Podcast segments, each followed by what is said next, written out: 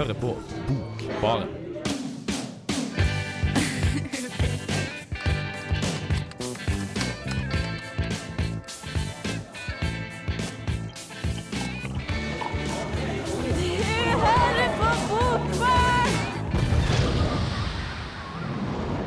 Hei og velkommen til Bokbarn på denne vårdagen i april. Sommeren nærmer seg, og årets eh, siste runde med bøker og Bokbarn er snart over. Men før påskekrimen tar oss, skal vi fortelle dere om bøker vi syns dere skal sjekke ut mens snøen enda ligger i flekker på gresset rundt om i byen.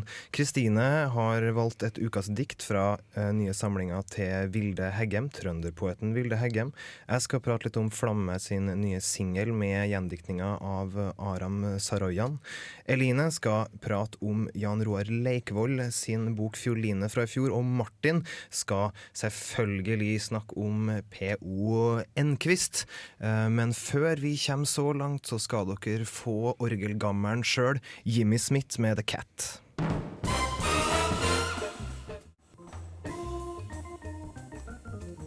Der hører du Jimmy Smith med The Cat, som eh, forsvinner ut i eh, aprilkvelden. Er det jeg sa dag, men det er selvfølgelig kveld. En ting til som vi er nødt Spørs helt på når du hører på. ikke sant? ja, altså En ting til vi er nødt til å rette opp, er det at uh, min lille flause ved å si at Vilde Heggem var trøndersk, uh, er på grunn av at hun bodde i Trondheim en vending. Hva hun gjorde her, det vet jeg ikke. Skrev diktsamlinga. Ja, Nå har jeg da reist tilbake til Eller til, reist til Oslo. Hun kommer, hvor kommer hun fra, Kristine? Halden. Kommer fra Halden. Det må være lov å komme fra Halden også. Er det der det lukter så gærent, eller er det i Moss, det? Det er Moss, det. Det er Moss, det. Ja, Mm. riktig. Ja, det er bra. Det lukter sikkert ikke så godt i Halden heller. Aldri- Sorry, Halden. Jeg vet ikke. Jeg har vært veldig lite nedover på den sida av landet, men det er fryktelig fint om sommeren, eh, har jeg hørt. Men du Kristine, Ja. hvilken type bok er det her? Eh, Det er ei diktsamling. Det er hennes eh, andre. Eh, Og jeg likte den veldig godt, men jeg tror ikke den er så tilgjengelig. Så skal vi se hvordan det, det går å lese det på radio, da. Hva du tenker, hvorfor, altså, hvilke aspekter er det i en som ikke er så tilgjengelig? Altså, det her er ei tynn lita lapse, og så er det eh, lite skrift, masse tegnsetting, masse streker og masse mellomrom. Så det, det er satt opp litt som sånn eh, ligninger, kan man si. si. ja. Det er noe matematisk eller noe sånn form for formelaktig da, bak eh, Nei, det ser mer ut som at det er, er liksom setninger og deler som er, er tatt bort, og at det på en måte bare er sånne eh, ja, på en måte stikk som, som er inne her. Er det noe mål om mening med det? Tja, godt spørsmål. fragmenter og sånn, ikke Ja, det er litt Men, sånn fragmentarisk. men handler det Vi hadde jo her for noen eh, uker siden, så, så, var du jo, så hadde du jo lest eh, Anna Kleiva sin mm. siste bok. Der er jo også en oktoberutgivelse. Mm. Uh, er det noe sånn eh, Kan det sammenlignes på noen måte? Eller hva, hva er motsetningene, kan vi kanskje si? Tja, det, det er jo eh, jenter begge to. Det handler om, eh, om, eh, om jenter og det å være jente. Men den her, den her er på Man kan kanskje si at det er en slags naivitet, da, hvis vi skal finne felles. Og den her uh, diktsamlinga har et veldig sånn grafisk uttrykk, da. Så ja. Men det, det er Nå har jeg si. Nå har jeg, jeg, har, jeg, har lest, jeg har jo lest Vilde Heggem før, og jeg har sett den boka der. Men hvis du fortalte meg at det var vanskelig tilgjengelig, handla om å være jente og var naivt, så vet jeg ikke om jeg hadde fått noe lyst til å lese den. Så hva er det, hva er det med den som, eh, som gjør at du har valgt uh, ukas dikt fra? Eh, den er veldig var, og det handler om en slags sånn desperasjon hos uh, jeg-personen. som Den er sånn splitta. Mm. Um, det handler om, om ja, det, det å være søstre, og litt om eh, angst, og det om å bli mor, Jeg skjønner. forholdet til omverdenen. Det høres ut som tema som vi skal komme litt inn på senere med deg mot slutten av sendinga også, for du har jo vært og hørt på ei dame som synger Gunvor Hofmo-sanger. Mm. Vi kommer jo tilbake Ja. eh, til det. Det var en liten teaser. Det kan være spennende også for musikkinteresserte ut der. Diktet vi skal høre, heter 'Hvis trærne'.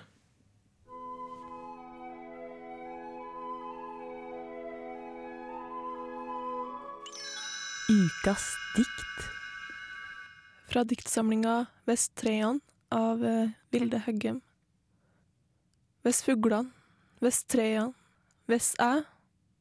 Jeg er piken mellom to søstre. Jeg skriver liste over alt jeg ikke kan si. She's a girl with hair, eyes and æ. Nei. Nei, æ. Vest kroppen, vest speilet. Perler, leppestift.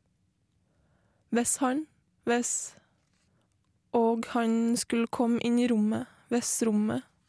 A room with a pen and paper. En blomst er en blomst. Jeg kan bare tenke mens jeg skriver. Med handa, blomster og Som barn og ung pike kommer den midterste piken ofte til å trekke seg inn i en verden styrt av fantasi i stedet for realiteter. Og Anne snill. Og Maria trist. Og Astrid sterk. Hajat. Og jeg kan ikke skrive, jeg er et barn. Jeg skriver navnet mitt baklengs og speilvendt. Jeg skriver at jeg rømmer. Jeg vil bare være et barn. Og hvis jeg ikke kan være et barn, vil jeg bare ha et barn. Jeg skal gjøre alt godt igjen for det barnet. Men jeg er voksen og blir på jenterommet mens foreldrene mine ser nyhetene i etasjen over. Jeg venter. Jeg venter ikke. Jeg venter på at noen skal vente på meg. Jeg griner fordi jeg venter. Ser ut av vinduet og ser. Vi vender oss mot hverandre, sier han, eple, jeg, bære. Hodet vokser, blir en skog i en skog i en skog. Hendene framfor øynene. Hvis det her, hvis Det er så mye skog i verden. Det er fint, det. Men det er så mye å holde styr på. Og jeg, jeg tenker. Jeg tenker på å få et barn. Jeg tenker på å få et barn. Jeg tenker på å få et barn. Jeg tenker på å få et Jeg tenker på å få en Jeg tenker på å få et barn. Det er fordi jeg er vant til å få viljen min, at jeg sier nei. P-r-o-t-e-s-t. E Jeg vil ikke være vanskelig, jeg vil være enkel, men Men munnen Sukkertøy. Sukkertøy, sukkertøy. Jeg trenger ikke trøst, for jeg er ikke trist. Jeg er bare sint. Hvis hun og hun. Men jeg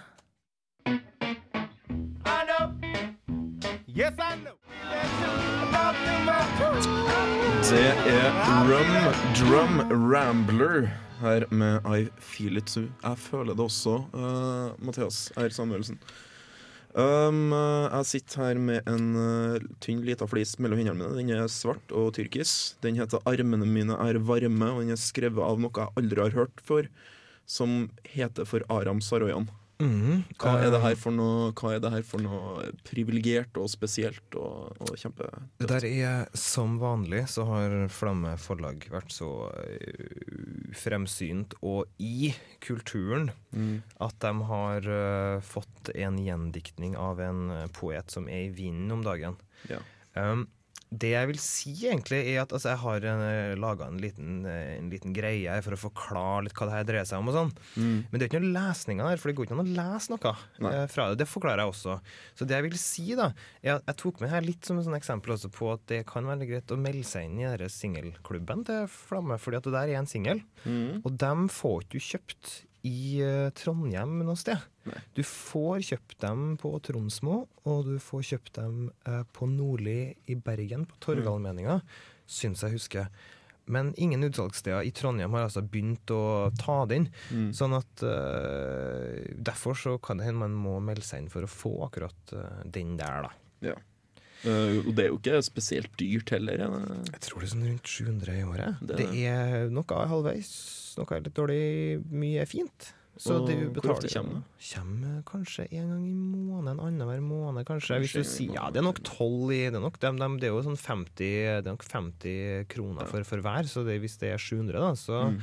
er jo det, så er jo det, så er jo det 14. Ja, og så er det jo omtrent 50 sider, og det er kanskje mindre og enda færre ord i mange. Veldig greit å ha med seg i veska. Veldig enkelt og kjekt og fint format. Og Yokoland er jo et supert designbyrå som lager dem her. De ser jo drittøffe ut i Ja, bokhylla. Så akkurat det er også litt viktig, og spesielt for Aram Saroyan, som eh, vi skal få høre litt om.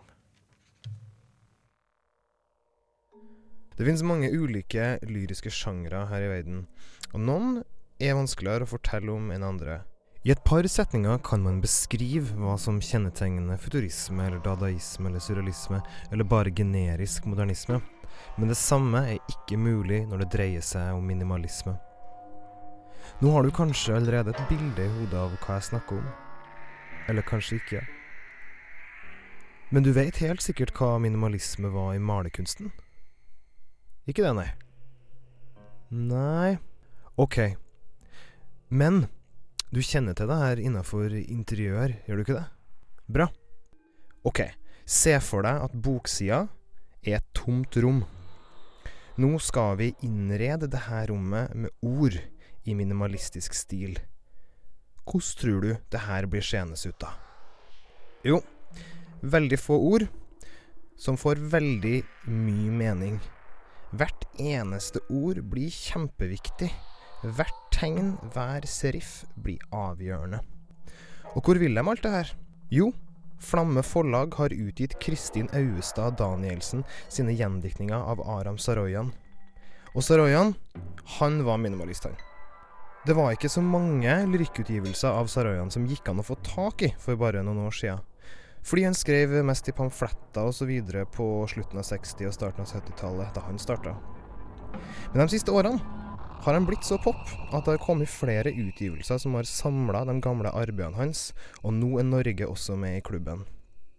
Armene mine er varme er et utvalg som eksemplifiserer godt hva Saroyan drev med, og Danielsen bidrar med ganske mange snedige løsninger som jeg liker godt. Nå har du sikkert forstått at det er jo håpløst å lese opp noe av det her, fordi det grafiske, tegnene på sida, er så viktig for uttrykket. Det er det vi her i Norge og resten av Skandinavia ville ha samla under betegnelsen konkretpoesi. Om det sier jeg noe mer. Tredje boka til Jan Erik Vold, 'Blikket', er et eksempel på det her. Saroyan starta med det her på 60-tallet. De var veldig gira på eksperimentering og sånn på den tida. Vi kunne ha snakka til sola gikk ned om Saroyan sine tekster og konseptkunst i Europa og USA og alt det der, men det skal vi ikke. Det holder at jeg sier at det var på tide at noen gjendikta Saroyan til norsk. Ikke fordi han absolutt er så aktuell, eller for at folk oppdaga han 30 år etter at han var på sitt mest sjokkerende, men fordi det er en skjønnhet og en humor her som er viktig for norske lesere. Det var ikke Jan Erik Vold som fant opp det her. Det var en greie lenge før hans tid. Jeg syns Vold er flink, men når det gjelder konkret poesi, så var Aram Saroyan et geni. This is Alan Moore, and you're listening to The Book Bar.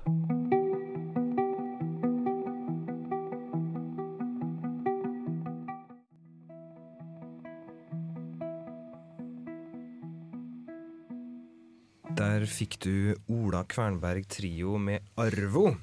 Um, Kvernberg fiolin. Tre stykker er de, og så lite lygglag igjen. Ja. Han uh, som spiller tromma, heter Nylander, husker jeg. Ja. Ja. Det, det, Slekt med så- eiendomsnylander, da, sikkert. Det kan godt være. I hvert fall godt på konsen. Tviler ikke. Eline? Ja. Han herre karen eh, som eh, heter eh, Jan Roar Leikvoll heter han. Leikvoll, ja. Hva Du har lest den andre boka hans. Ja. Han debuterte i 2008 med et vintereventyr.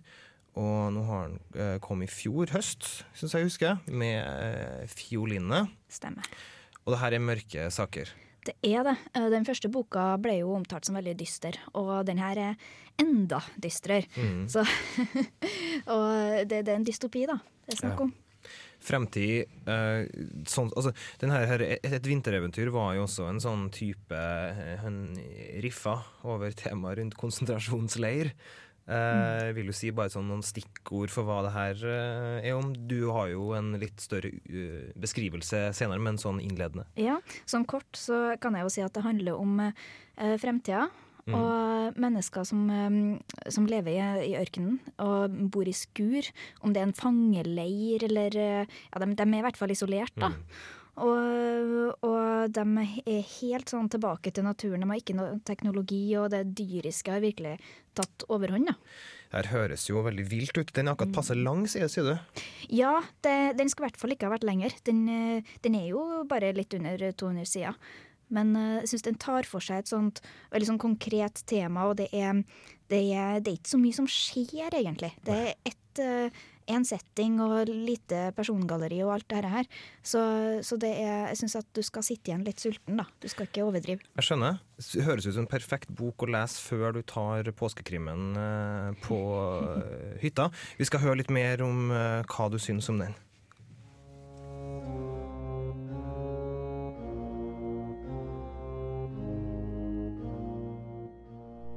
Fiolinene er hensynsløse.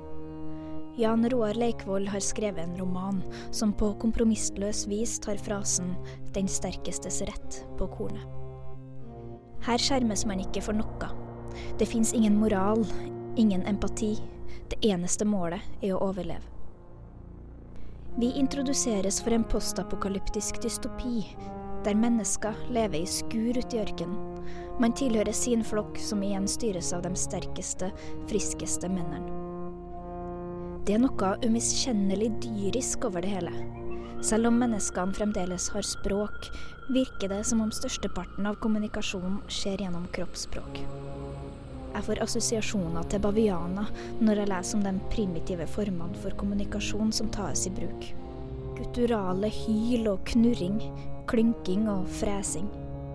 Det å slå seg sjøl på brystet. Likevel finner vi også glimt av undring, Hovedpersonen grubler over egen eksistens, og sammen med den fiolinspillende bestefaren opplever han tankevekkende øyeblikk som står i sterk kontrast til råheten som preger resten av boka. Igjen ville jeg forstå.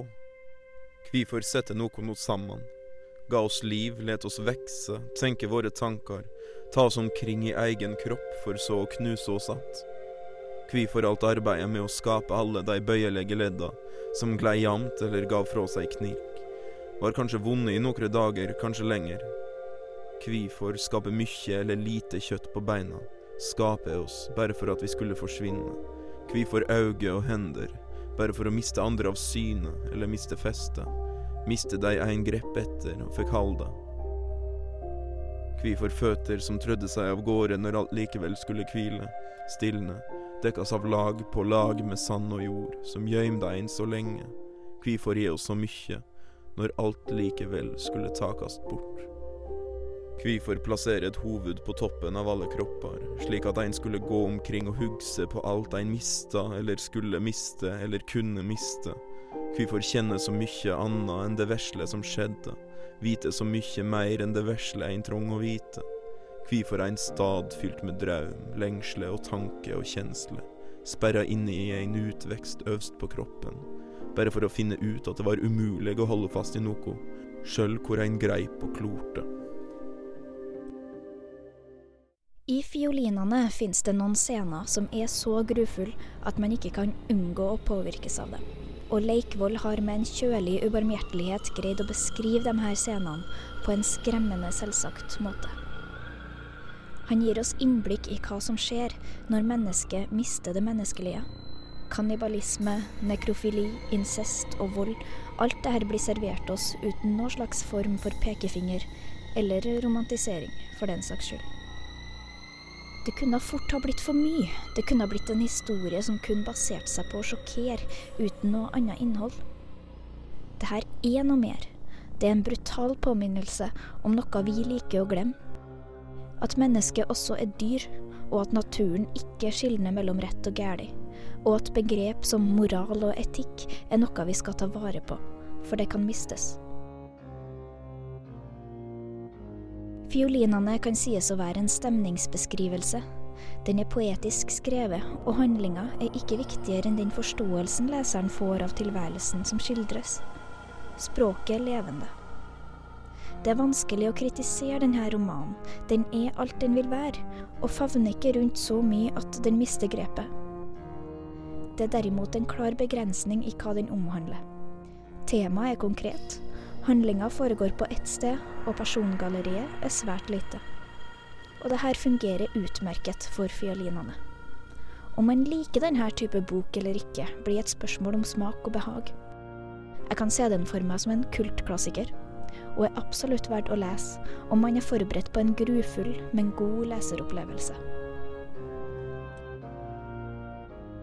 Listening for the hoofs of the rescue. Der er, hørte du Why med The Hooves. Fin og kort låt, og før det så fortalte Line Bjerkan deg om hva som egentlig foregikk i fiolinene av eh, Jan Roar Leikvoll, altså en imponerende eh, mellomung eh, romanforfatter. Du sa at det her eh, minner deg om Solaris korrigert, som du anmeldte her for noen eh, ganger siden, altså av Øyvind Rimbereid. Ja, på en måte. Jeg kan tenke meg at dem som liker det diktet, også kan like denne boka. Mm Men den er også akkurat nok forskjellig da, til at du ikke føler at du leser det samme. Det hadde vært litt kjedelig. den, Men- Det er, men, det- men altså, det her, her på en måte tenker jeg dystopiske fremtidsgreier med at det er, det er på en måte en skildring av en sånn postapokalyptisk Eller altså, først så har, har det skjedd et eller annet, da. noe har gått galt, og så har Ja. folket på en måte returnert til en sånn tilstand. Ja, du får jo aldri vite akkurat hva det er som har gått galt, da. Mm. Eh, eller om de er utstøtt, eller om det har, om det har skjedd eh, hele verden, eller hvordan det Mm. er. Eh, men det som er veldig forskjellig fra Solaris korrigert, er at her, her er det virkelig Det er ikke noe sånn teknologisk fremskritt eller noen ting. Og det kan jo være noe som preger det, det diktet, Solaris, veldig godt. Eh, og, at, og der er det jo også en sånn medmenneskelighet da, som du virkelig ikke finner her. Nei, jeg syns jo det her minner litt om på en måte eh, ting vi har altså, hørt eh, om Cormac McCarthy osv. Med det så kan jeg jo spille ballen videre til Martin Ingebrigtsen her, som ved min side står. Ja, hei. eh, og har både lest Cormac McCarthy og P.O. Enquist. Ja, begge deler. Begge, begge toene. eh, veldig mye. Er det her en, altså, Ut ifra det du har hørt om uh, fra på en måte Eline sin take on denne boka, er det, er den uh, McCarthy-inspirert?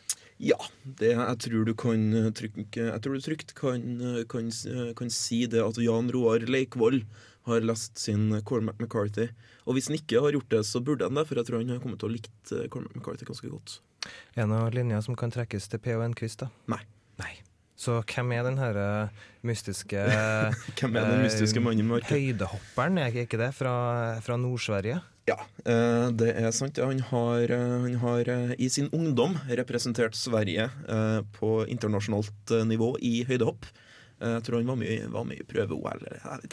Hva heter boka du har sett på? Det er, den heter 'Magnetisørens femte vinter'. Den er, eh, den, er, den, den er nyoversatt nå, men den er 45 år gammel. Mm. Så Eh, hvor gammel er da forfatteren? Han ble født i 1934, så lytterne kan dra matten sjøl. Det, som det som er verdt å si noe om, er jo at han siden 1969 har vært en av, eh, en av Skandinavias absolutt viktigste forfattere, og, en av absolutt, eh, og etter hvert etablert seg til å bli en av frontrunnerne for en sånn nobelprissammenheng.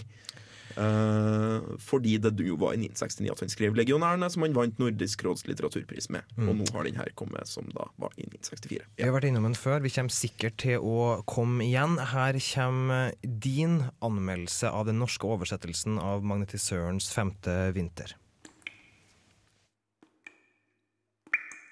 Han lå omslutta av grottens mørke. Ennå rastløst bevisst det som hadde hendt. Ennå ikke i ro. Grotta var trang og dyp.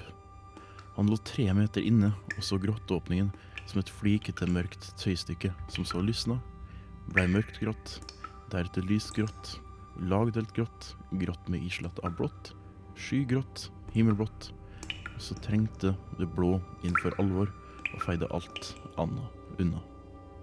Da var sola kommet opp i en så rett vinkel på grotta at bare en liten del av gulvet der inne ble opplyst. Han krøp langsomt og forsiktig fram til kanten av grotta. Kikka ned over klippekanten, og der så han dem. De var ganske mange, seks-syv stykker, i de grå, spisse hattene som han først hadde syntes var komiske, men hvis komiskhet hadde vennet seg av med, eller måtte vende seg av. De sto i en liten halvsirkel der nede, kanskje ikke som maur. Han ville helst ikke gripe til det bildet, siden stupet bare var omtrent 30 meter høyt. Men som små dukker, ja halvstore dukker i grått. Men det er ingen dukker. tenkte han apatisk. De fant meg likevel. De ga ikke opp.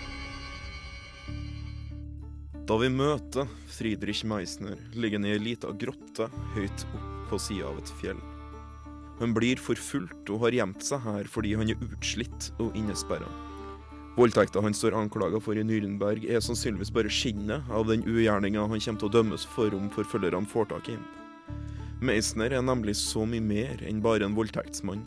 Han er en magiker, en profet, et symbol på at det finnes håp og frelse fra lidelsen, som både helsemessig og spirituelt plager menneskeheten. Han har helbreda de syke og fått dem blinde til å se, bokstavelig talt. Men som så mange andre frelsere er han først og fremst et symbol, og bak symbolverdien står det et menneske som ikke er guddommelig, men en skuffelse, svakt, nedrig og forbrytersk. Og det er det høye fallet fra frelser til djevel som er grunnen til at han nå skal steines ved bymurene, og det er derfor han gjemmer seg. Magnetisørens femte vinter heter boka, som den svenske mesteren Per Olof Enquist skrev i 1964, og som omsider nå, 45 år senere, har fått norsk språkdrakt, og forhåpentligvis mange norske lesere. For selv om dette er en relativt gammel bok, så har den vel kanskje aldri vært mer aktuell. Magnetisørens femte vinter handler nemlig om hva det er som skaper menneskets trang til å tro. Hvorfor står vi i kø for å helbredes av småstein? Hvorfor tror vi at den engelen vi innbiller oss at vi snakker med, er ekte? Og hvorfor tror vi at en pensjonist på Snåsa er bedre skikka til å ta hånd om kreftsvulsten vår enn sykehuset? Friedrich Meister, boka sin hovedkarakter, er en mann som forstår dette behovet, og som vet å bruke det til to ting. Å hjelpe mennesker og å hjelpe seg sjøl. Det sentrale spørsmålet i romanen er følgende. Er det svindel når det faktisk hjelper? Og hva om det er svindelen i seg sjøl som helbreder? På tross av at dette er en tidlig roman, føyer den seg glatt inn i den serien med meget gode bøker som har gjort Per Olof Enquist til et verdenskjent navn innenfor litteraturen. Selv om den er litt annerledes. I motsetning til det nye så ligner den her mer på en tradisjonell roman. Og fingerspissfølelsen som preger språket og konstruksjonen i de senere romanene, er ikke fullt så godt på plass her. Det er litt enklere å se sprekker i håndverket. Men til gjengjeld er historien god. Svært god, spennende, troverdig, full av interessante karakterer og med svært mange kraftfulle scener. Og det at den ligger den tradisjonelle romanen så nær, gjør historien tilgjengelig. Jeg vil med andre ord glatt anbefale denne boka til alle. Bestemor og barnebarn. Til mennesker som har lest Enquist før, og til nye bekjentskaper. Den er spennende nok til å bli tatt med på hytta i påska, og interessant nok til å ikke være bortkasta tid. God lesning.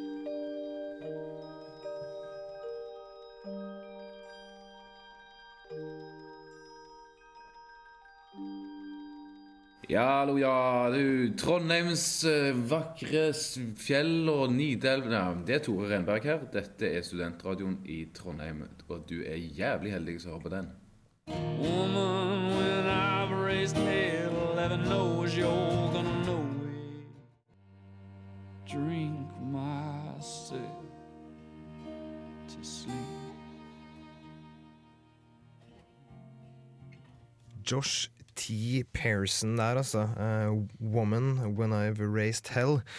'Drink Myself to Sleep' og alle tre, trebeina hunder og uh, Jeg har, har en vits. Har vi tatt Ja. en vits? Ja, ja. Ja, ja. Eh, det, det, det er vennen min Knut som liker å fortelle at Mm. hvis du spiller en, spiller en countrylåt baklengs, eh, eh, da kommer, da kommer hunden, hunden din tilbake fra det døde, og kona di kommer tilbake fra gymlæreren sin, eh, og det eneste som ikke virker, det er radioen. Kjempebra. Det var, var ganske morsomt. Den er ganske morsom. Det var et øyeblikk. Ja. Uh, Martin, Ja. en annen kar her uh, før vi, uh, før vi Mm. hørte eh, trist country. Enda en alkoholisert mann. Ja, en alkoholisert eh, høydehopper fra Nord-Sverige. Ja, ikke alkoholisert nå lenger. Nei. Det skal sies, han har vært edru eh, helt siden forrige boka. skrev jo en biografi om det. Ja. eh. Men hvordan passer den her, magnetisørens femte vinter fra 1964, inn i eh, resten av forfatterskapet til P.O. Enquist? Vet du, Det er jeg veldig glad for at du spurte om, for det er et interessant spørsmål. Vær så god. Eh, det her er jo ei bok fra 1964, når P.O. Enquist er en 30 år gammel, ung og lovende forfatterspire. Eh, og det blir jo gjennombruddet hans.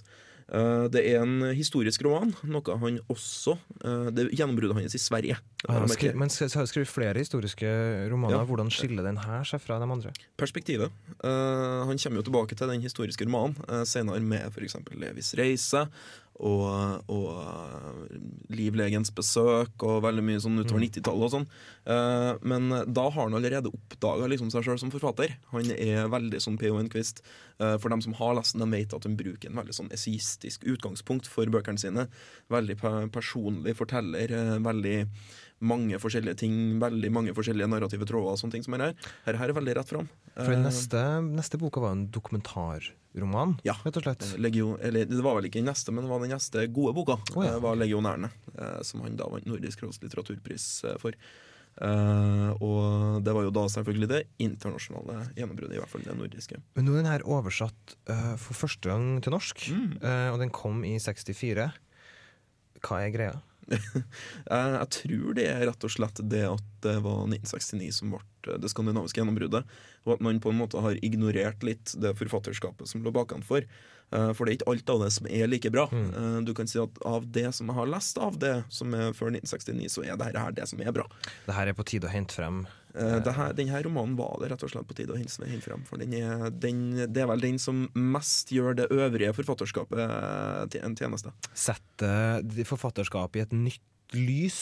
Nei, men det setter forhenværende forfatterskapet i et nytt lys, Ja. kanskje. Jeg. Jeg skjønner. Så det her er en anbefaling fra deg, altså. Eh, Steike god bok. Steike god Ja. bok. Og Guste den- Gøtt, som Idun sier. Ja, og vi har jo uh, sist gang, eller før sist gang, så snakka vi jo om Nedstørtat engel, Ja. som også er en av høyderne Uh, til P.O. Enquist. Absolutt. Ja, Mm. den var Eline som uh, leste. Mm. Og likte den, gjorde du ikke det? Ja, men den var jo kanskje Den kom jo enda seinere. Det var vel 80, 86, Ja. 88, noe sånt. Kanskje litt enda mer typisk Enkvist Enquist enn denne boka her, da. Ja, eh, du kan jo si at det er et veldig sånn Det går et skille der mellom de 20 årene der. Eh, der, der det er jo der han er veldig alkoholisert, og han skriver veldig mye drama. Eh, noen av dem er nesten litt bra. Eh, men det er når han liksom skriver 'Nedstørtet engel' og senere 'Kaptein Nemos bibliotek' at han begynner å utvikle den her eh, forfatterstemmen som etter hvert ikke bare skal dra han ut av alkoholismen, men også etablere han som en virkelig, virkelig internasjonal forfatter, superstjerne. Nødvendig å lese uh, selvbiografien før man leser denne boka her, eller for å Jeg vil si at eh, hvis, man er, hvis man har lyst til å sette seg inn i forfatterskapet til P.O. Enquist, så er det bare å begynne med de store romanene hans, og så kan man lese selvbiografien etterpå. For den er absolutt mer interessant hvis man har lest, uh, lest en del av den fra før av. En siste kommentar om Magnus Sørens femte vinter, Martin.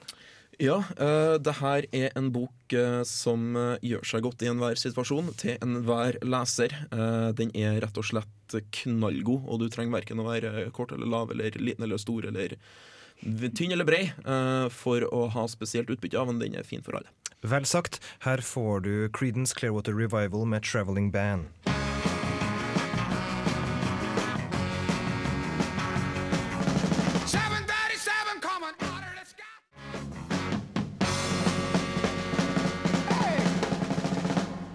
Creedence Clearwater Revival med Traveling Band der.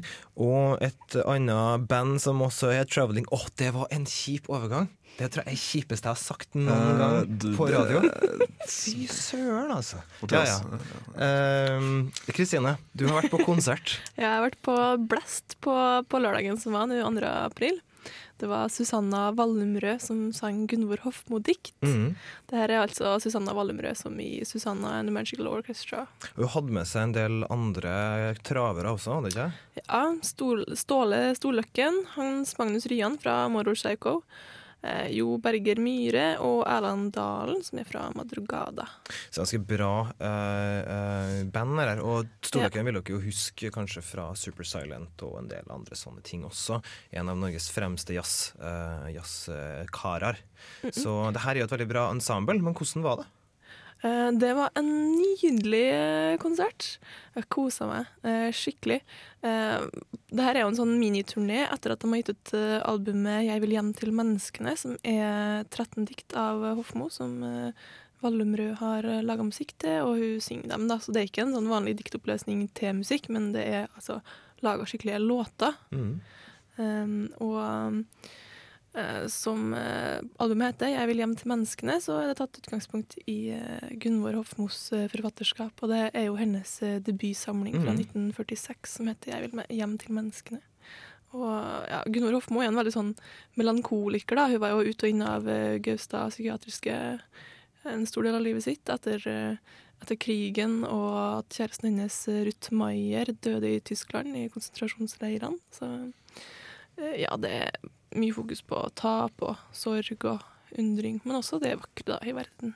Så Så F- Altså, hun er en veldig flott uh, lyri lyriker, uh, det kan jo vel alle sammen være enige om. Og Susanna uh, Wallumrød uh, og om de guttene hennes Ja. har jo gjort en bra versjon. Du har snakka med henne. Ja.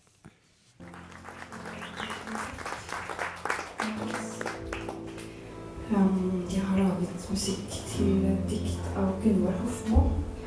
Uh, Hun i Oslo i 1921 og døde i Oslo i 1995. Hun ga ut veldig mange fine diktsamlinger.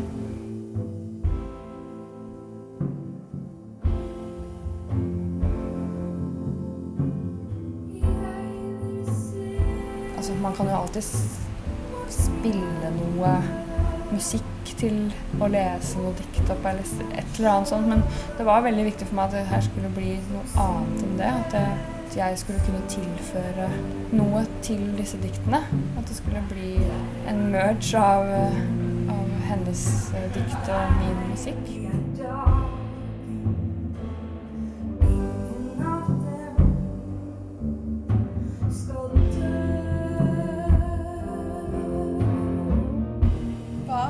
Spesielt med Gunvor Hofmo som grep deg så sterkt? Jeg syns hun har en uh, helt utrolig nerve i det hun har skrevet. Det er veldig sånn direktehet i det som, som snakker veldig til meg. Jeg syns ikke det er så godt å si akkurat hvordan eller hvorfor det her treffer meg mer enn en andre ting. For det, det er en veldig sånn magefølelse, eller man blir grepet av det, da. Men jeg syns i hvert fall hun, hun snakker om veldig eksistensielle ting på en veldig fin måte som berører meg.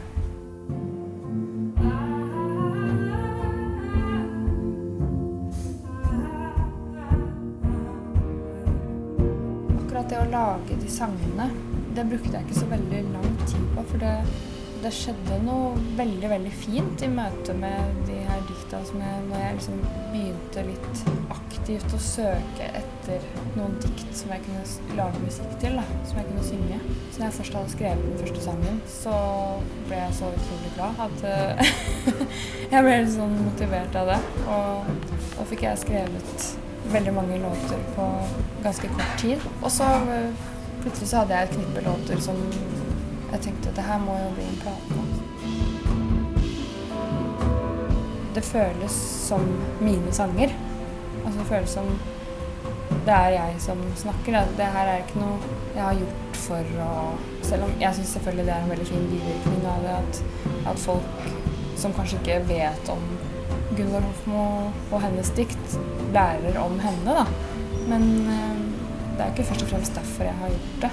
Det er eh, fordi jeg føler at jeg kan tilføre noe, og at jeg kan stille meg bak det hun sier.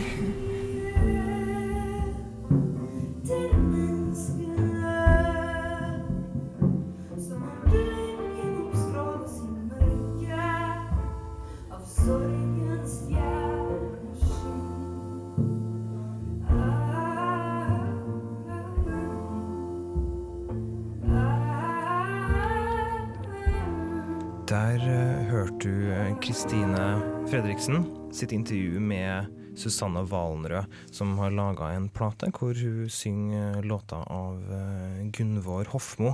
Dikt av Gunvor Hofmo. Ja, det er det her som er spørsmålet, da. Når hun har laga melodi til dem, så er de låta. Da har de slutta å være dikt, spør du meg. Men eh, hvis man skal gå inn i forfatterskapet til, til Hofmo Hofmo, da, hvor ville du ha starta da? Jeg vil bare anbefale boka 'Mørkets sangerske' av eh, Jan Erik Vold, som gir en veldig sånn fin, fin intro til Hofmo. Da. For Hofmo kan kanskje virke litt eh, ja, drastisk og veldig depressiv, men, eh, men det er veldig skjørt og fint. Jeg er enig enig med deg, og jeg syns at den boka til Jan Erik Vold er veldig bra. Eh. Han har også skrevet en bok om eh, Ruth Maier. Altså Mm, hun- kjæresten. Så, så det her er jo en sånn lite sånn prosjekt eh, Jan Erik Vold på en måte driver på med, på sett og vis. Mm. Eh, Det fins også sikkert samla hos Gyldendal, tenker jeg. Det er Ja. vel dem som hadde Jeg syns at det fineste diktet av eh, Hofmo er det som heter 'Fra en annen virkelighet'. Mm. Så det anbefales også. Ja. Dem, eh, det er jo mørke saker, og forfatterskapet skiller seg jo. Du har jo faser i forfatterskapet mm. på en måte, før og etter du blir innlagt osv. Men det er anbefalt lesning på alle mulige måter, syns jeg. Det kan vi være enige om. Ja. OK. Eh, I dagens sending eh, så har eh, Martin Ingebrigtsen prata om Enquist sin Magnetisørens femte vinter, som har kommet ut nå på norsk for første gang. Eline Bjerkan har snakka om Jan Roar Leikvoll sin siste bok 'Fiolinene', en postapokalyptisk sånn trasig sak. Kristine B. Fredriksen har, eh, har, har valgt ut ukas dikt, som eh, var eh, da, fra Vilde Heggem sin nyeste diktsamling, som heter Hvis trærne. Så hele diktsamlinga heter Viss trærne, altså. Ja. Og hun har også snakka med Susanna Valemrød om hennes Gunvor Hofmo-prosjekt. Jeg heter Mathias Samuelsen.